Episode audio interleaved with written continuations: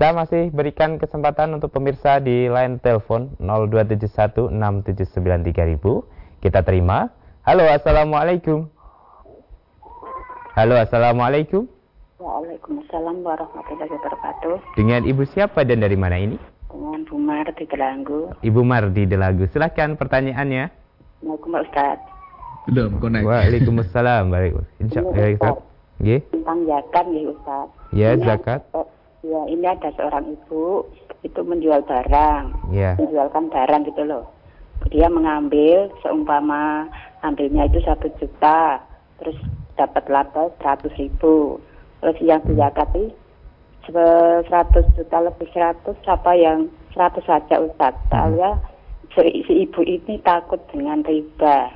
Yang benar gimana? Terima kasih. Ibu Mar, yang satu juta ini berarti harga jualnya atau seperti apa Ibu? yang yang mengambil lagi. Dia mengambil jumlahnya 1 juta. Mm-mm. Terus jual lagi. Dijual satu juta seratus ya? Iya, dia dapat 100 untung 100. Iya. Nanti ya, tapi 100-nya apa-apa yang 100 juta, 100 itu gitu. Iya. Iya. Terima kasih. Soalnya ibu ini mendengarkan Ustaz. Iya. Dia takut dengan riba.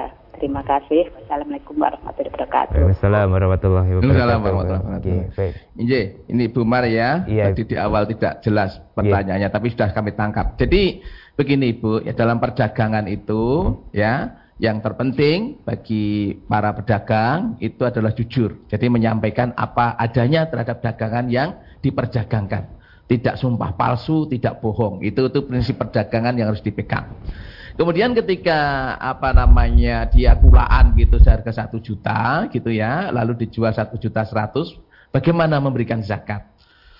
Ketika kita mau berhati-hati dan betul-betul apa ya, me- apa ya, menye- membersihkan ya harta yang Allah berikan, maka yang pertama sekali, pertama sekali kita kita memiliki modal, katakanlah modalnya berapa, berarti modalnya kan satu juta, ya, itu dizakati dulu, ya, dizakati dulu 25 ribu, ya, kemudian digunakan untuk perdagangan.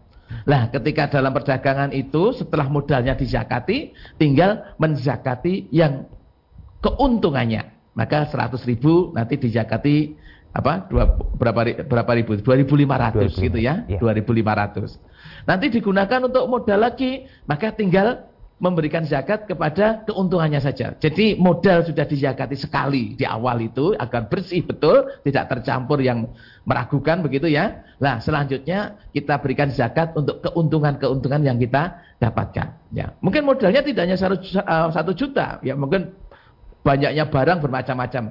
Di awal memiliki modal katakanlah 40 juta gitu ya, 40 juta. Maka agar bersih 40 juta itu dikeluarkan satu juta dulu karena zakatnya kan dua setengah persen, Iya. sehingga kita modal usaha itu yang sudah bersih adalah 39 juta.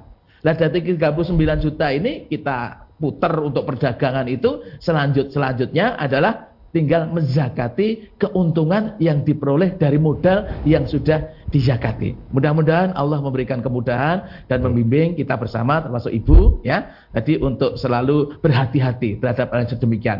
Karena eh, kalau saya bisa simak, saya bisa perhatikan ini orang yang sangat berhati-hati dulu ingin betul membersihkan dirinya agar tidak tercampur harta-harta yang bukan haknya ya termasuk harta-harta riba dan sebagainya. Ini sangat bagus sekali. Maka kan Bu Mar mudah-mudahan bisa dimanfaat Iya. bisa difahami. Matur baik.